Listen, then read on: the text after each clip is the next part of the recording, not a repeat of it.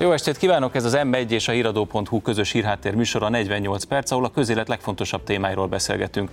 A ma esti adásban szó lesz az energiaembargóról, a pártok legfrissebb erősorrendjéről, valamint az új kormány lehetséges összetételéről. Én Lánci Tamás vagyok a műsor házigazdája. Ma esti vendégeim Bajer Zsolt író, publicista, Fodor Gábor, a Közép-Európai Rendszerváltás Kutató Intézet igazgatója, valamint Hortai Olivér, a századvég energia és klímapolitikai üzletág vezetője. Köszönöm szépen, hogy elfogadtátok a meghívást. Jó estét! Örömmel.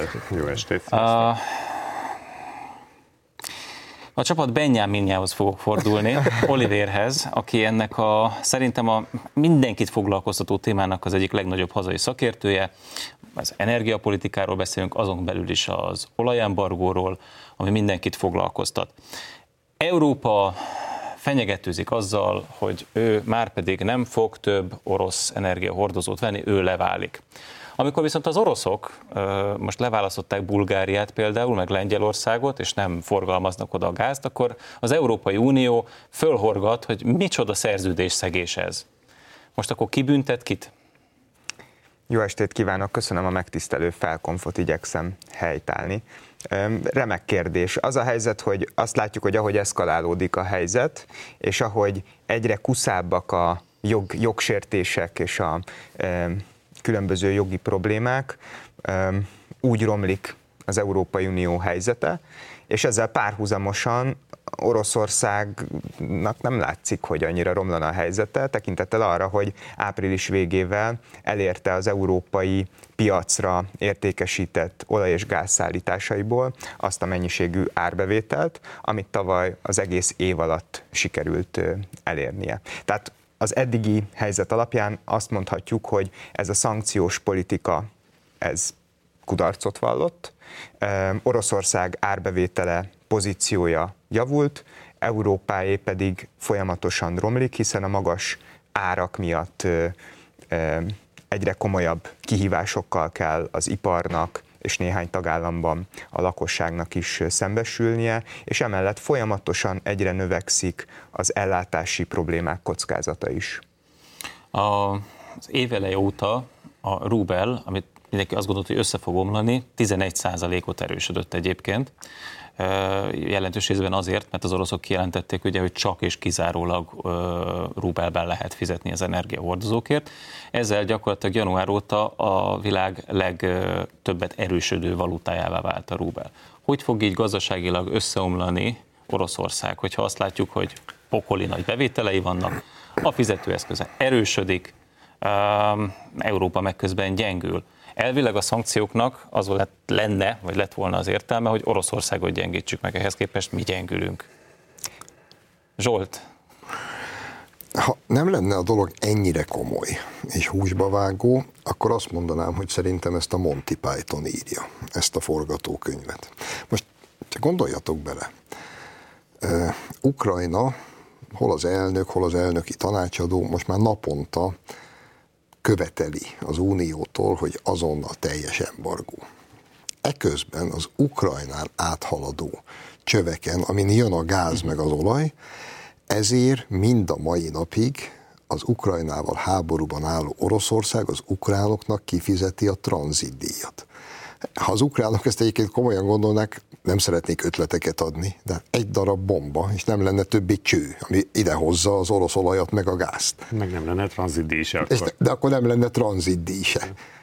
Ez az első megjegyzésem. A másik, hogy eh, már az Egyesült Államok pénzügyminiszterek könyörög az Európai Uniónak, hogy ezt hagyja abba Brüsszel, mert épp a minap idéztelek Olivér egy cikkemben ez ügyben, hogy kiszámolták az amerikaiak, hogyha ez megtörténik, akkor a Brent olaj, én 180 dollárt írtam, de tőled tudom, hogy 185-re fog fölmenni, és akkor az amerikaiak is elkezdenek letérdelni. Úgyhogy én csak újabb kérdést tudok föltenni, nem, nem látom. Nem látom a mestertervet. Hm.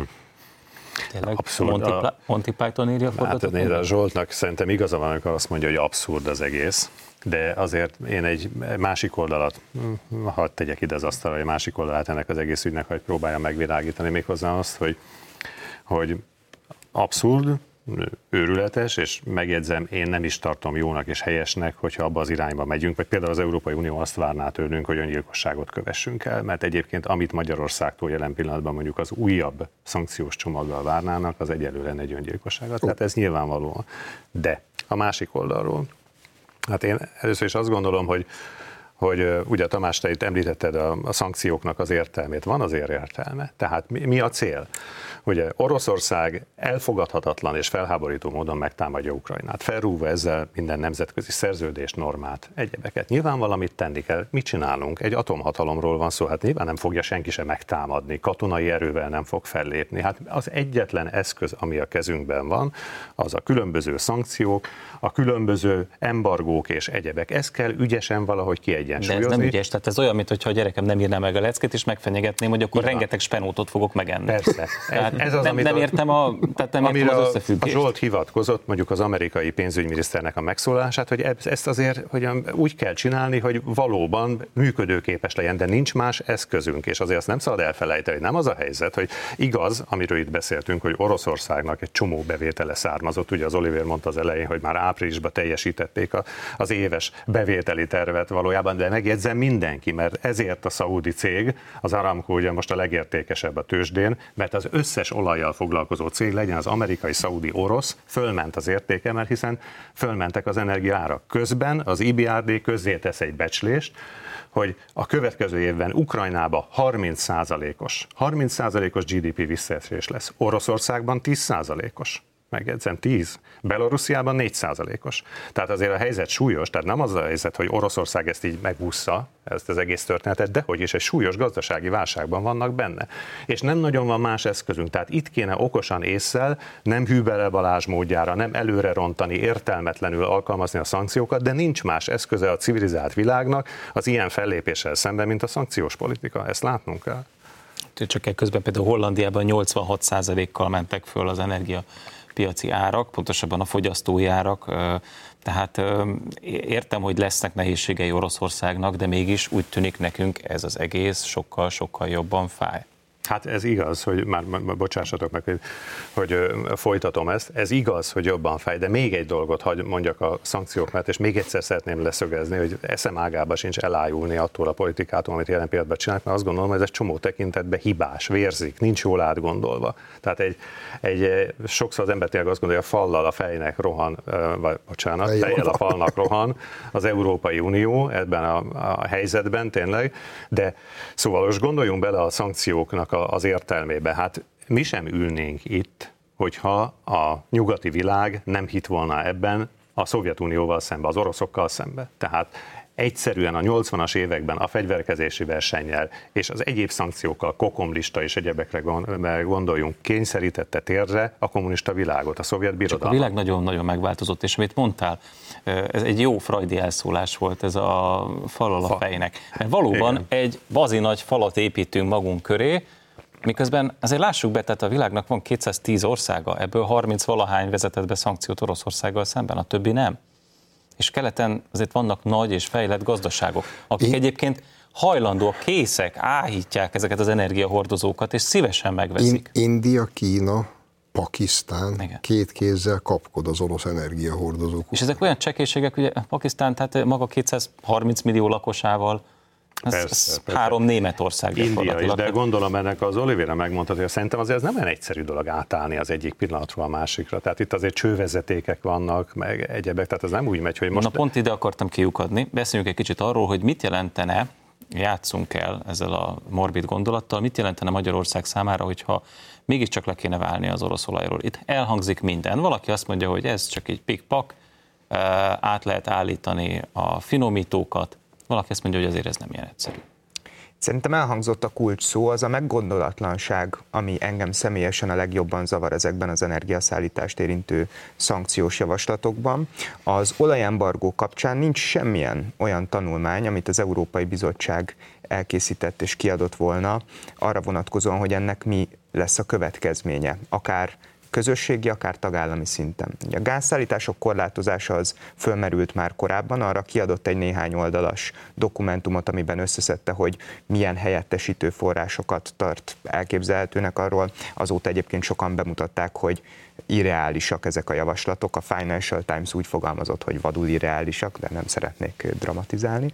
Tehát az olajnál ilyenről sincs szó, és most elindult egy olyan káosz helyzet, amiben minden egyes tagállam próbálja a saját piacán meghatározni a, er, pontosan erre a kérdésre a választ, hogy mit eredményezne egy ilyen embargó. Magyarország, és egyébként itt a régiós országok kitettebbek az orosz energiahordozóknak más országoknál. Az, hogy ez, hogy ez mit jelentene ez az embargó, az, azt elsősorban az időtáv az, ami befolyásolja. Egy rövid távú embargónak katasztrofális ellátás következményei lennének Magyarországon. Egyrészt nem tudnánk megfelelő mennyiségű nyersolajat beszerezni, és hogyha máshonnan betudnánk, azzal sem tudnánk működtetni a finomítónkat. Én szerintem itt nyugodtan lehet alapozni a mólos kollégáknak a véleményére, akik azt mondták, hogy egyszerűen műszakilag ehhez kell kettő kötőjel négy év, hogy átállítsuk a százhalombattai finomítónkat. Úgyhogy tegyük hozzá, hogy ez egy nagyon komoly műszaki manőver, nem arról van szó, hogy valakinek le kell csoszogni a gépházba, és egy, egy Igen kallantyút át kell állítani, és ennek nagyon komoly költsége van. Tehát rettentő sok pénzt fizet a Nemzeti Energiavállalat azért, hogy utána drágábban tudjon olajat forgalmazni. Pontosan erről van szó, hogy a, ezek most csak a műszaki feltételek, amiket e, elkezdtünk felsorolni, és akkor utána jön a következő kérdés, hogy milyen gazdasági következményei lennének, és itt szerintem alábecsüljük azoknak az országoknak a, a problémáit, akiknek van kikötőjük, mert tipikusan azzal kalkulálunk, hogy ők majd a jelenlegi világpiaci árak környékén könnyedén helyettesíthetik az orosz nyersolajat, de azt viszonylag sok amerikai elemzőház megmutatta, hogy egy ilyen típusú sok hatás, mint amilyet az európai embargó jelentene, nagyon drasztikus áremelkedést idézne elő. Mennyi ez a drasztikus? Hát a JP Morgan szerint, amilyet elhangzott, 185 dollár lenne a Brent eh, ára Rendben, idén csak én akkor bemegyek a benzinkúthoz, akkor nem hordóolajat szoktam jellemzően venni. Tehát mit jelent ez mondjuk egy európai benzinkúton? Az mit, Szerintem túlzás nélkül azt mondhatjuk, hogy mondjuk 50-60 százalékos áremelkedést eredményezne. Tehát mondjuk a mostani nyugat mostanihoz képest, a mostanihoz képest. képest. Tehát van. nem a magyarországi árstop, tehát a 480 forintos árhoz képest, hanem hanem a nyugat-európai, ami most ilyen 800 forint körül. Így van, de ez az időtáv kérdése is, tehát uh-huh. itt az elsődleges fontosság, hogy egy rövidebb távú embargó azokban az országokban, akik képesek helyettesíteni, valószínűleg ilyen nagyságrendű áremelkedést idézne elő, de nagyon nehéz ezt előrejelezni. Tehát a világgazdaság az egy nagyon organikusan felépült összetett rendszer, mint egy emberi szervezet, és most arról beszélgetünk, hogy egy nagy késsel belevágunk ebbe a szervezetbe. Az ütőérbe, igen. Az, az ütőérbe, ütőérbe. Uh-huh. de úgy, hogy míg az orvostudománynak van tapasztalat arról, hogy mi történik, ha belevágunk a szervezetbe, nekünk nincs, mert még sosem vágtunk bele ebbe a szervezetbe. Folytatva ezt a gondolatmenetet csak a politika oldaláról, ebben nincs köztünk vita. De engem a, a dologban az iszonyatos farizeusság idegesít megint. Hogy én meg vagyok arról győződve. Egyrészt olvastam egy tanulmányt, hogyha ezt az EU komolyan gondolná.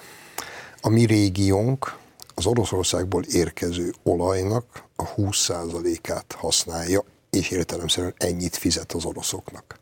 Az nyugat fizeti a 80%-át. És a nyugat tudja, itt nincsenek kikötők, amiről beszéltél, mi nem tudunk egyik pillanatra már, nem egyik pillanatra másikra, nekünk nagyon hosszú idő, és nem csak az átállás, hanem egyáltalán a beszerzés, mert ide nem tud beállni egy tanker a Csepeli kikötőbe, hogy a cseppfolyós gázt meg az olajat levegyük róla. Ha komolyan gondolnák, akkor nyugodtan mondhatnák, hogy értjük a problémátokat, kedves csehek, szlovákok, magyarok, hát nektek ez a helyzet, nem baj, úgyis a 80%-ot mi fizetjük, majd mi abban. De nem, ne, ők ragaszkodnak hozzá, hogy mi is ugorjunk bele a kútba.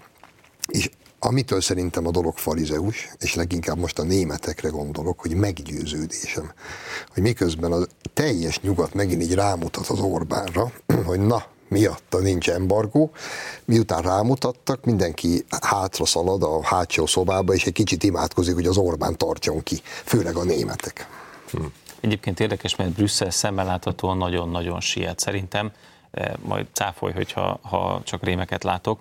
A Brüsszel tulajdonképpen ezt a 30 évre elhúzott, vagy eltervezett klímavédelmi programját szeretné most egy év alatt gyakorlatilag bevezetni. Ugye van ez a Fit for 55 nevű fantasztikus csomag, ami ugye 2055-ig lényegében karbonmentesé tenni a, az európai gazdaságokat. Ha jól értem, akkor most ők ebben egy lehetőség, az ukrán krízisben egy lehetőséget látnak, hogy ezt a 30 éves távot ezt leszűkítsék gyakorlatilag egy-másfél évre. Az amerikaiak meg közben ugye lassítanának. Ugye idézted Janet jelent, és nekem nagyon az az érzésem, hogy az amerikai pénzügyminiszter azért szeretné, hogyha ez a dolog nem menne ilyen gyorsan végbe, mert az megemelné náluk is az olajárat, már pedig ugye félidős választások jönnek Amerikába. Félidős választások jönnek, és azért ne felejtjük el, hogy hogy én értem a, a Zsoltnak a, az aggodalmát, osztom is a farizeussággal kapcsolatban, ezt tényleg látja az ember sokszor, sok országnak a viselkedésében, de az, ami történik, tehát hogy itt kéne ébresztőt fújni mindannyiunknak, tehát az egész Európának, az egész nyugati világnak, tehát Európának a gyengülése nem érdeke az Egyesült Államoknak sem, mert ez az egész történet, az orosz agresszió, az arra tanít meg minket, hogy össze van kötve Amerika és Európa. Európa nem tudná magát megvédeni az Egyesült Államok nélkül, ez katonailag igaz, ez a történet mutatja, és gazdaságilag is igaz. Tehát a nyugati világ az egy együttműködése van, van ítélve. Az a helyzet szerintem ezért aggódik többek között az amerikai pénzügyminiszter, ugye, akire hivatkoztunk már itt többször, ez elég világos, hogy ebből komoly bajok lesznek. Tehát ezért kell észszel az embargót és a szankciókat alkalmazni, de még egyszer hangsúlyozom, nincs más eszköz. Tehát az oroszokkal szembe föl kell lépni, megtámadni nem kell őket, háborút nem kell velük viselni, de ha valamit tenni akarunk... Azért erről és... beszéljünk egy picit, mert úgy tűnik, hogy azért mégiscsak egy, egy ukrán-orosz háborúban azért lassan csúszunk bele, egy NATO-orosz háborúba. Hát az, hát az reméljük, hogy nem lesz, reméljük, hogy nem lesz, mert azért attól távol állunk, a NATO egy védelmi szervezet. És Abban az értelemben, hogy az amerikai külpolitikusok gyakorlatilag előszeretettel hangoztatják nap mint nap, hogy mennyi fegyvert, mennyi drónt és mennyi uh, hírszerzési szolgáltatást nyújtanak az ukránoknak. Igaz, de ezt mondjuk az ukránok is kérik, ne felejtsük el. Tehát az ukránok... Az rendben, csak innentől kezdve... az egész világtól fegyvert kér. Innentől kezdve nyugati fegyverek állnak szemben orosz fegyverekkel. E, mindenképp beszéljünk erről, de még Vissza az olajhoz. megint Olivérhez fordul, csak egy gondolat erejéig, hogy szerintem az amerikaiak azért is próbálnak most kitáncolni, és, és ki, most már lassan könyörögnek Brüsszelnek, hogy ezt felejtsék el, mert ugye volt egy terve az Egyesült Államoknak, hogy semmi baj, ő majd ráveszi a nagy közel-keleti, főleg Szaudarábiát, hogy növelje a kitermelést, és akkor szinten marad az ár. Friss hír, Szaudarábia közölte az Egyesült Államokkal, hogy szó sem lehet róla. A Wall Street Journal egyébként úgy fogalmazott, hogy Szaudarábiában nem veszik föl Bidennek a, a telefont. telefont. Ez történt. A, annyit kiegészítést szerettem volna csak tenni, hogy nekem az energia szektorban egy picit más a véleményem, vagy más az, a, az élményem az amerikaiaknak a motivációjáról, mert a pénzügyminiszter bejelentése az egy nagy fordulat volt az amerikai külpolitikában. Előtte nagyon erősen abba az irányba terelgették az Európai Uniót, hogy bevezessék az embargót. Érdemes felidézni, hogy március 6-án vagy 7-én egy vasárnapi napon egyszerre kezdte el lengetni az energiaszállításokat érintő szankciókat az Egyesült Államok külügyminisztere, Robert Habeck, a német gazdasági miniszter, és Kadri Simpson, az Európai Bizottság energiaügyi biztosa, és másnap több mint kétszeres gázár emelkedés volt mondjuk a TTF-en, és egy jelentős olajár emelkedést is el kellett szemelni. Utána az Egyesült Államok be is vezette az olajembargót. Én azt láttam, hogy abban az időszakban az Egyesült Államok nem volt az annyira, vagy az Egyesült Államoknak nem volt annyira fontos az, hogy, hogy Európa mekkora kárt fog ezzel elszenvedni. Ott egyszerűen még arra számított Biden, hogy majd sikerül rávenni az OPEC országokat, párhuzamosan elkezdett megpróbálni, néhányukkal tár- sikerült is tárgyalni, mások nem vették fel a telefon, de elkezdett tárgyalni ezekkel az országokkal, csak beleütközött abba a külpolitikai falba, amit saját magának épített az a korábbi években, és jelezték az OPEC országok, hogy nem fogják jelentős mértékben növelni a termelésüket, és aztán jött a külpolitikai fordulat. Joe Biden beiktatás óta 70%-kal nőttek a benzinárak az USA-ban. Jönnek a félidei választások, ez egyre kellemetlenebb. Egy utolsó mondat részemről, csak kicsit még itt a farizeusságnál maradva, egy. Az Egyesült Államok rendkívül szigorú szankciókat foganatosított az orosz árukra. Krasznaja Moszkva Kölnire, Matjóska babára és az orosz kaviárra. Valahogy véletlenül az orosz uránra nem. Mert hogy az Egyesült Államok urán szükségletének 20%-a jön az oroszoktól. Tehát most kaviár, orosz kaviár nincs, az urán jön továbbra is. Első megjegyzés van másik, amin aztán nem tudtam, hogy tényleg sírjak vagy nevessek. Kitört a háború, nagyjából egy hét múlva Venezuela hirtelen mintademokráciává vált, és egymás sarkára hágtak az amerikai diplomaták Venezuelában, mert kellett volna egy kis venezuelai olaj. Érdekes módon viszont Venezuela az oroszokkal tárgya. Igen, hát sok mindent tanulunk szerintem ebben a konfliktusban, amiről beszélünk, ezért kell észszel csinálni. Egy megjegyzés, mert látom Tamás, te már tovább akartál menni talán, vagy akartál Nem, még, mást még akartál felvetni. Van ebből szóval még, még csont. Igen, szóval egy, egy megjegyzés, mert ugye ezt elvaratlan hagytuk azt a szállat, szóval az oroszoknál nem olyan egyszerű szerintem, hogy most akkor az oroszolajat egyszer csak átirányítják keletre. Szóval ugyan India már, már most jelentős felvevővé vált, de azért ez, ez nem, tehát más. Európát csővezetékek kötik össze Oroszországgal, Indiában is csővezeték, tehát az egy, az egy más történet. Én ezt az érvelést értem, csak akik erről beszélnek, azok, azok azt mondják, hogy nekünk könnyű leválni az orosz olajról másfél év alatt, de az oroszoknak viszont lehetetlen megoldani, hogy az így felszabaduló olaj mennyiséget azt eljutassák a világ másik pontjára. Nekem itt ebben van némi ellentmondás. Ez, ez igaz, bocsáss meg, ez, ez igaz, biztos, hogy meg tudják oldani, csak erre mondtam eh, nektek azt, hogy Oroszországot is, ami történik, az nagyon keményen eltalálja. 10%-os gazdasági visszaesést senki, de senki nem tud fájdalom nélkül elviselni az a helyzet. Az Ezt majd meglátjuk, ügy. hogy kinek fog fájni. Viszont egy valakinek biztos, hogy fájt ezen a héten valami, mert Ursula von der Leyen itt volt Budapesten hétfőn, és hát azért a diplomáciában egy elég megalázó, tehát üres kézzel távozott. Idejött, próbálta rávenni a magyar miniszterelnököt a vétóra, majd gyakorlatilag üres kézzel távozott. Mit gondoltok erről? Hát azt gondolom, hogy helyesen tette, hogy, hogy ide jött. Az, hogy mennyire volt üres kéz, azt nem tudom, hiszen azért nem tudjuk a részleteit ezeknek a tárgyalásoknak, hogy pontosan mi történt ott, miről beszéltek.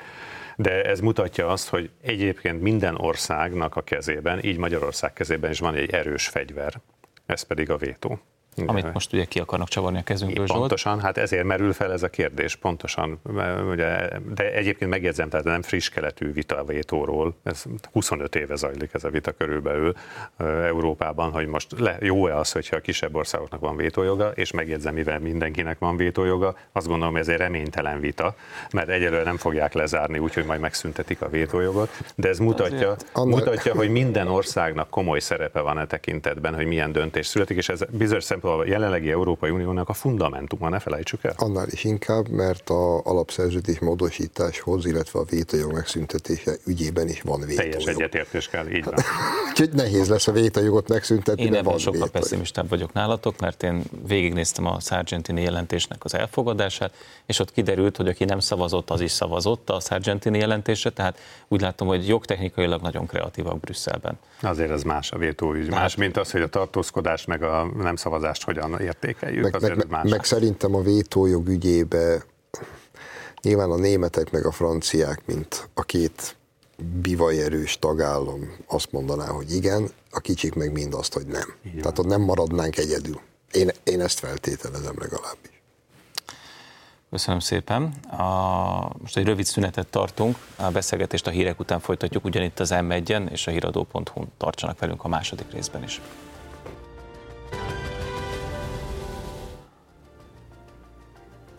Folytatjuk a beszélgetést itt a 48 percben Bajer Zsoltal és Fodor Gáborral.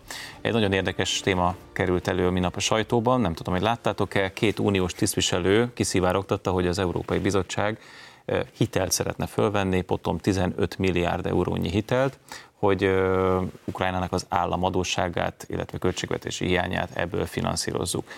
Ebben a terv szerint az európai államok, tehát nekünk is, kezességet kéne vállalnunk, hogy amennyiben Ukrajna nem tudja ezt visszafizetni, akkor ezt az európai tagállamoknak kell megtenni. Ne nézd rám. Arra gondoltam, hogy nem teszek föl kérdést, hanem hagyom, hogy szabadon asszociálj. Nem tudok nem emlékezni arra, hogy szerintem legalább tíz éve megjelent Soros György tollából egy nagyszabású tanulmány, ami arról szólt, hogy az Európai Uniónak valami, én nem is tudom, ezeket a számokat nem tudom értelmezni, de hogy valami csiliárd, biliárd hitelt kell fölvenni, gyakorlatilag egy örök hitelt, amit olcsó kamattal, majd ameddig a Föld bolygó áll, addig azt az Európai Unió fizeti vissza, de hogy ebből majd mennyi klassz dolgot lehet csinálni.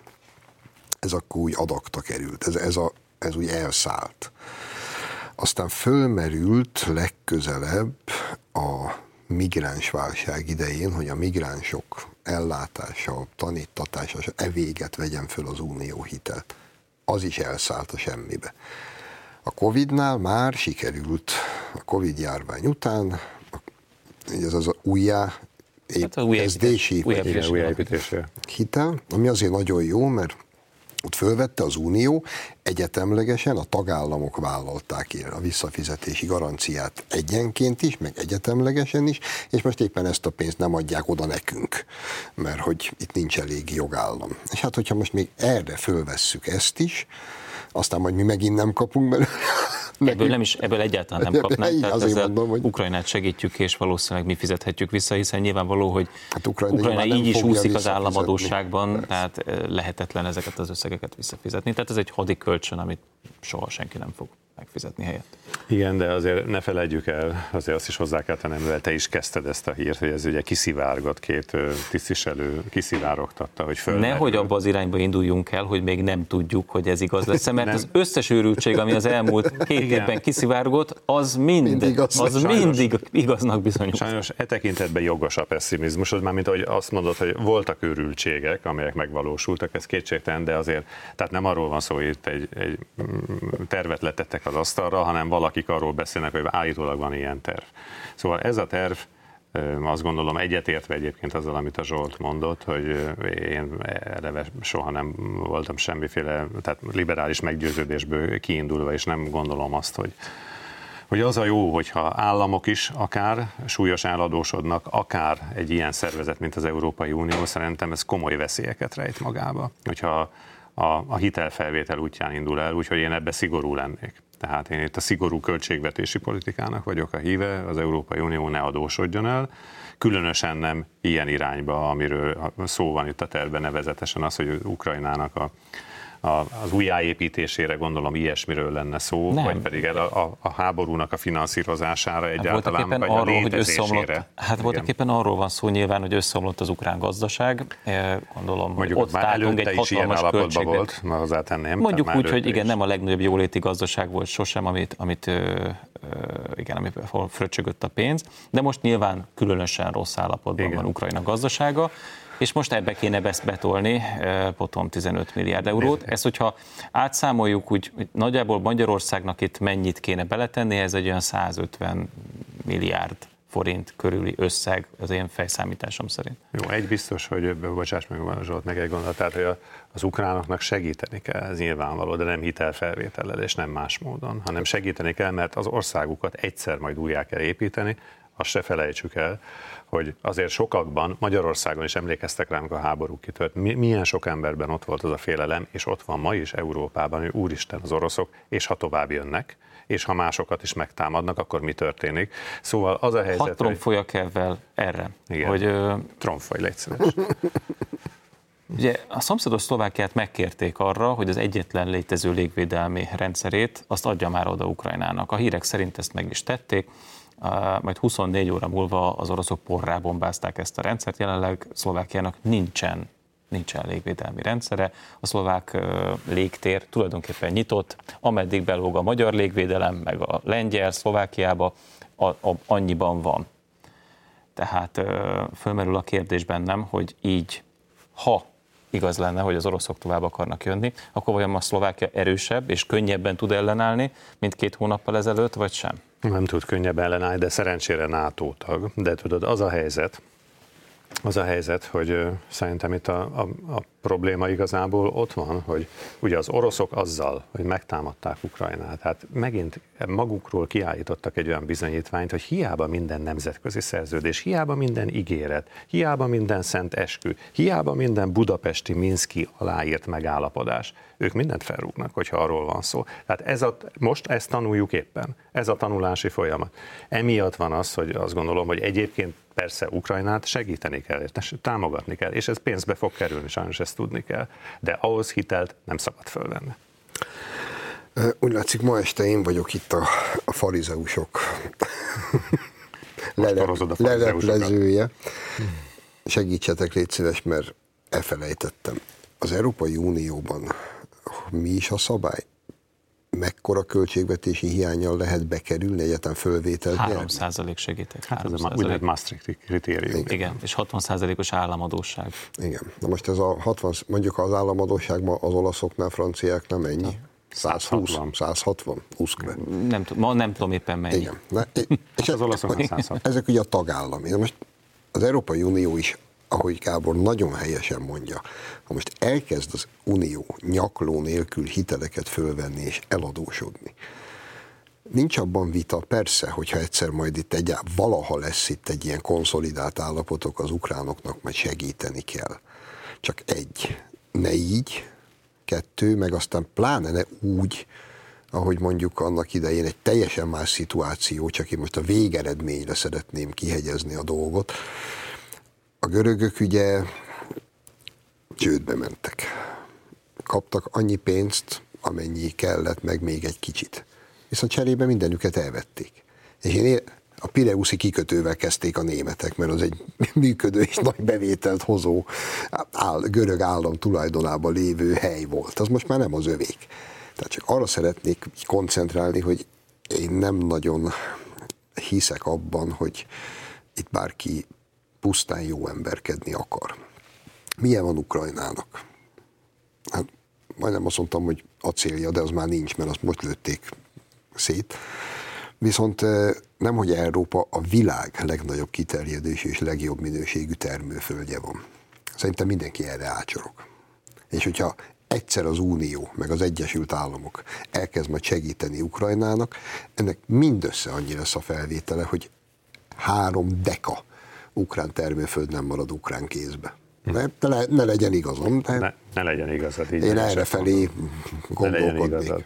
Én, igen, mond Tamás akartál Megjelent egy nagyon érdekes cikk egy amerikai uh, geopolitikai folyóiratban. Andrew Michta, amerikai biztonságpolitikai szakértő arról ír, hogy mivel Európa és annak két vezető hatalma, Németország és Franciaország bizonytalankodik, ügyetlenkedik, totojázik, egy helyben toporog, itt tulajdonképpen az Egyesült Államok innentől kezdve Ukrajnát és ezt az ukrán térséget fogja erősíteni, és ukrán vezetéssel majd egy 120 milliós lélekszámú, tulajdonképpen ilyen közép-európai birodalmat fog létrehozni. Én is olvastam. Te is olvastam. De is vert a víz hogy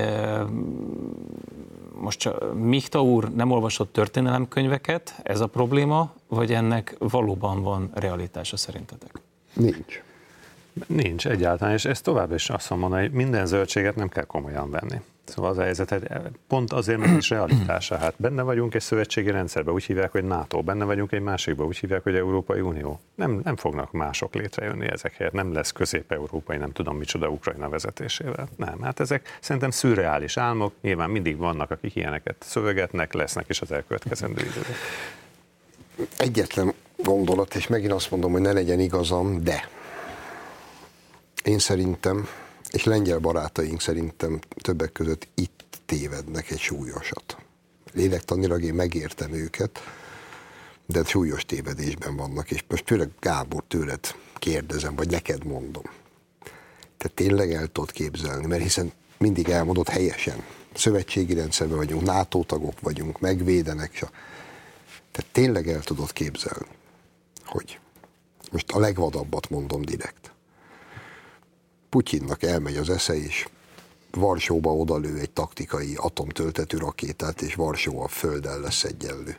De el tudod képzelni, hogy a mai világpolitikai helyzetben, mikor egyébként az Egyesült Államokra nagyjából 6000 atomtöltető orosz rakéta mered, hogy Amerika a kis ujját fogja mozdítani. Azon túl, hogy majd azt fogja mondani, hogy hajrá gyerekek, kitartás.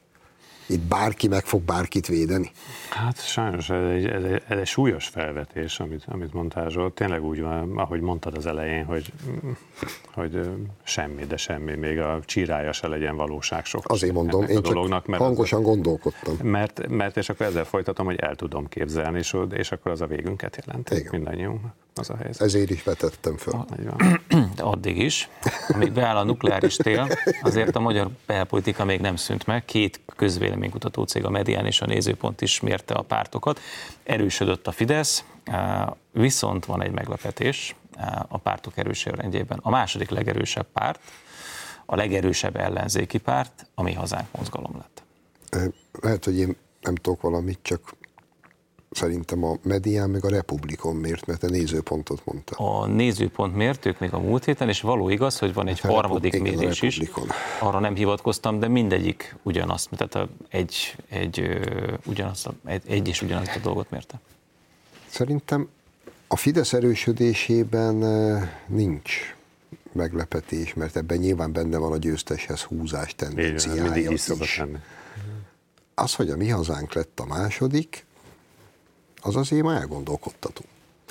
Hát több, mint elgondolkodható, végtelenül szomorú, de én ezt igyekszem optimistán ezt onnan nézni ezt a dolgot, hogy itt is valami olyan lélektani történ, lélektani események történhetnek a választókban szerintem, hogy a mi hazánk egy meglepetés, akárhogy is nézzük. Hát azért nem nagyon kalkulál senki se az, hogy bekerül a parlamentbe. A közvélemény kutatók általában azt mondták, hogy valahol a határon táncol a kétfarkú kutya és a mi hazánk a bekerülésnél, de úgy komolyan, hogy a mi hazánk be fog kerülni, azért senki, senki nem, nem számolt. Tehát egy meglepetés, megdöbbenés, meglepetés, és ráadásul ott vannak az elhagyott egykori jobbikos szavazók, a szélső jobboldaliak, ugye, mert most ugye egy szélső jobboldali pártról beszélünk, azt azért ne felejtsük el, akik ilyen értelemben meglepetésként látták azt, hogy talán újjászületik valamilyen módon, vagy megjelenik újra az a politikai erő, amilyen a jobbik volt valaha fénykorában, ugye az antiszemita, rasszista, Európai Unió ellenes pártként, ahogy indult.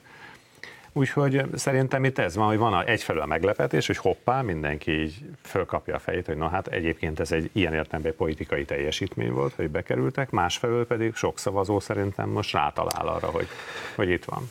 Nincs vita közöttünk, de az még egy szempontot hagy vessek föl, hogy eltelt lassan másfél hónap a választás óta.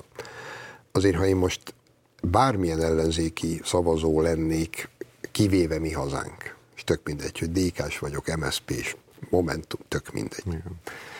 Amit másfél hónap alatt ez az ellenzék a mi hazánkon kívül képes volt leművelni, hát az, hogy mondjam, engem is elbizonytalanítana. Hát mi, mi történt másfél hónap alatt? A választás éjszakáján hátba döfték egymást körkörösen.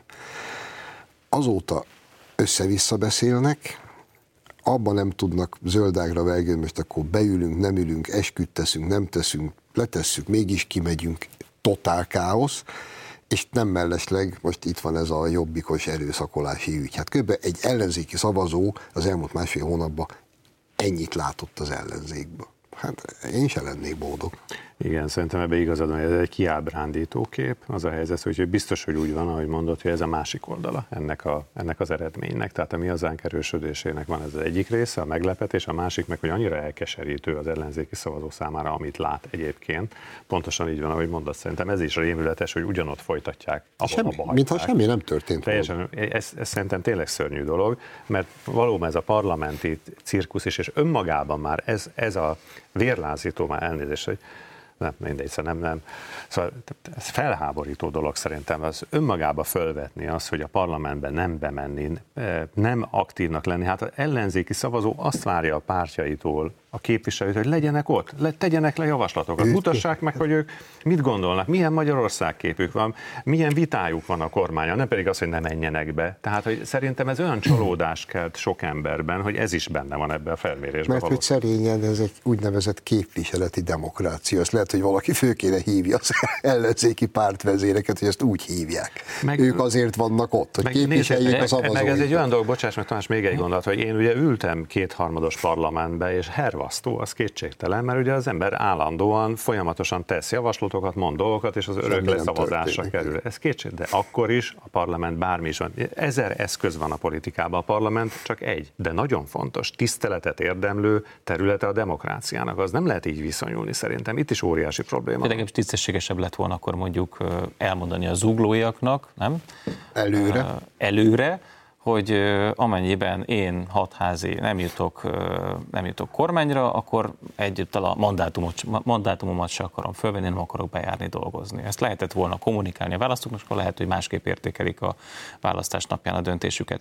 Ugye egyébként a, a választók azért reagáltak ezekre a fejleményekre, amiről Zsolt beszélt. Ugye most jelenleg a, a medián kutatása szerint nem jutna be a parlamentbe a Jobbik, Márkizaj Péter pártja, az MSP, az LMP és a párbeszéd. Ugye ezek a Márkizaj pártját, nem létező pártját, ez egy fantompárt egyelőre, egy mozgalom, de a többinek ugye van frakciója, de jelenleg nem, nem jutnának be. Két párt jutna be, a Momentum Meg a DK. és a DK, mármint a baloldali összefogás, egykori összefogásnak a pártjai közül.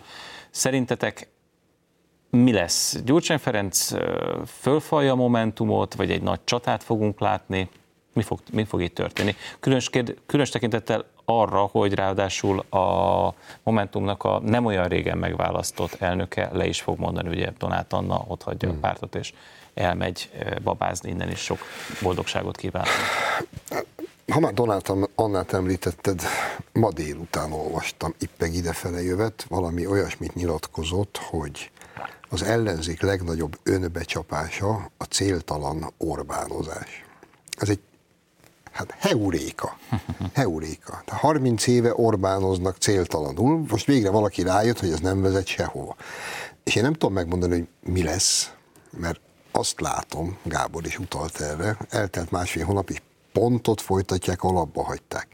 Miközben mondjuk, ha, hát ha én lennék valamelyik ellenzéki vezető, akkor csak végig gondolnám a negyedik kétharmadhoz vezető utat, és akkor összehívnám az én barátaimat, és azon, hogy gyerekek, úgy néz ki, hogy ez nem ment át, erre nem vevő ez a társadalom, legyünk mi az Orbán konstruktív ellenzéke.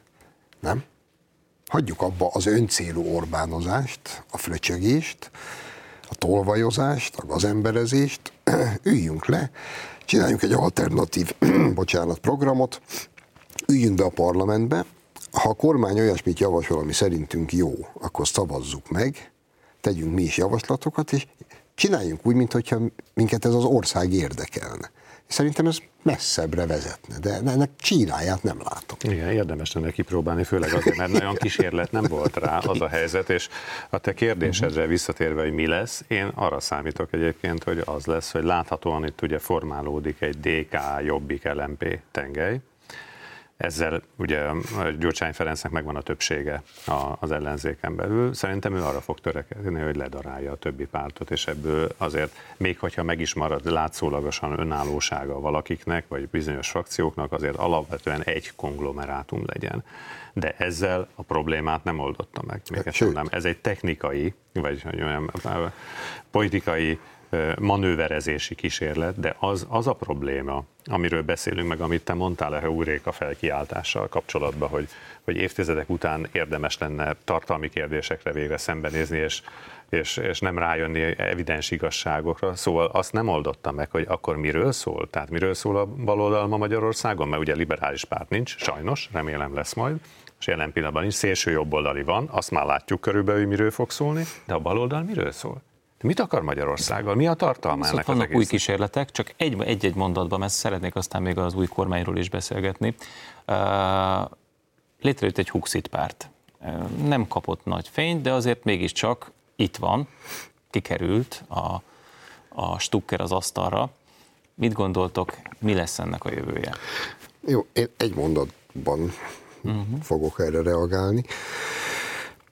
Szerintem a jelen állásban és a jelenlegi helyzetben, miközben az egész első részben egyébként az uniót nyüstöltük, és semmi más nem csinálnak, csak azzal vannak elfoglalva, hogy minket letérdepeltessenek.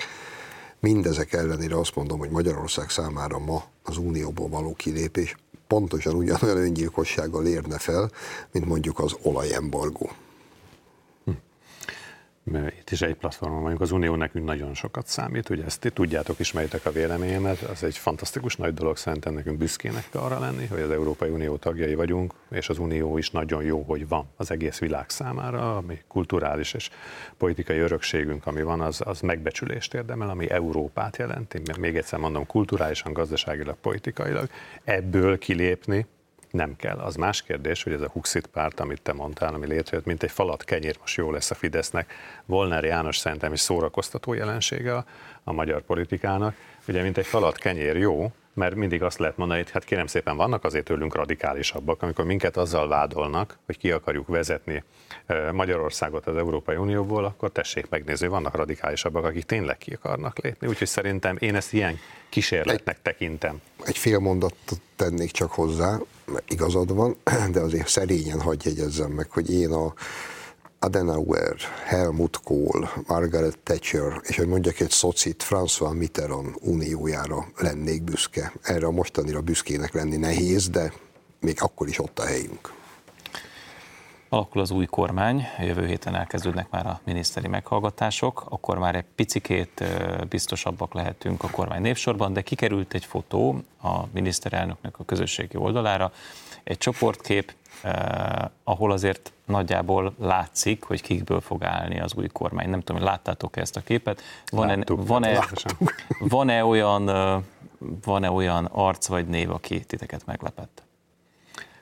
Hát szerintem csemegék vannak ebben mindenképpen, és hadd kezdjem talán azzal a megjegyzéssel, hogyha így fog felállni az új kormány, amit láttunk. Ő ebből a képből, és nyilván nem véletlenül került ki ez a kép, és nem véletlenül jelennek meg információk, akkor az számomra azt jelenti, hogy leginkább az az üzenete, hogy, hogy bizonyos fontos területeken a miniszterelnök, a a kormánytagokat is, és a körülötte lévő stábot is versenyeztetni akarja. Tehát olyan helyzeteket akar teremteni, ahol állandó verseny van, és soha senki nem lehet biztonságban azzal, hogy csak ő egyedül az, aki az adott Ennek egy liberális csak örülhet, nem? Hát igen, de mondjuk igen, ez egy érdekes szituáció lesz, tehát mondjuk ha a fejlesztésekért, ahogy látom, három miniszter lesz felelős, mert ugye ott lesz Palkovics Imre, ezek szerint ott lesz Lázár János, és ott lesz Navracsis Tibor.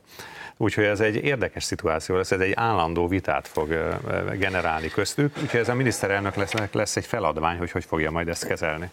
Zsolt, nem, egy perced van, hogy kifejtsd. Nem fogsz tudni annyi összeget ígérni, hogy neveket mondjak, de én abban egyetértek, hogy azt a fényképet látva, én tudom, hogy ott annál az asztalnál ülnek, és ültek olyan emberek, akik finoman fogalmazok, nem kedvelik egymást.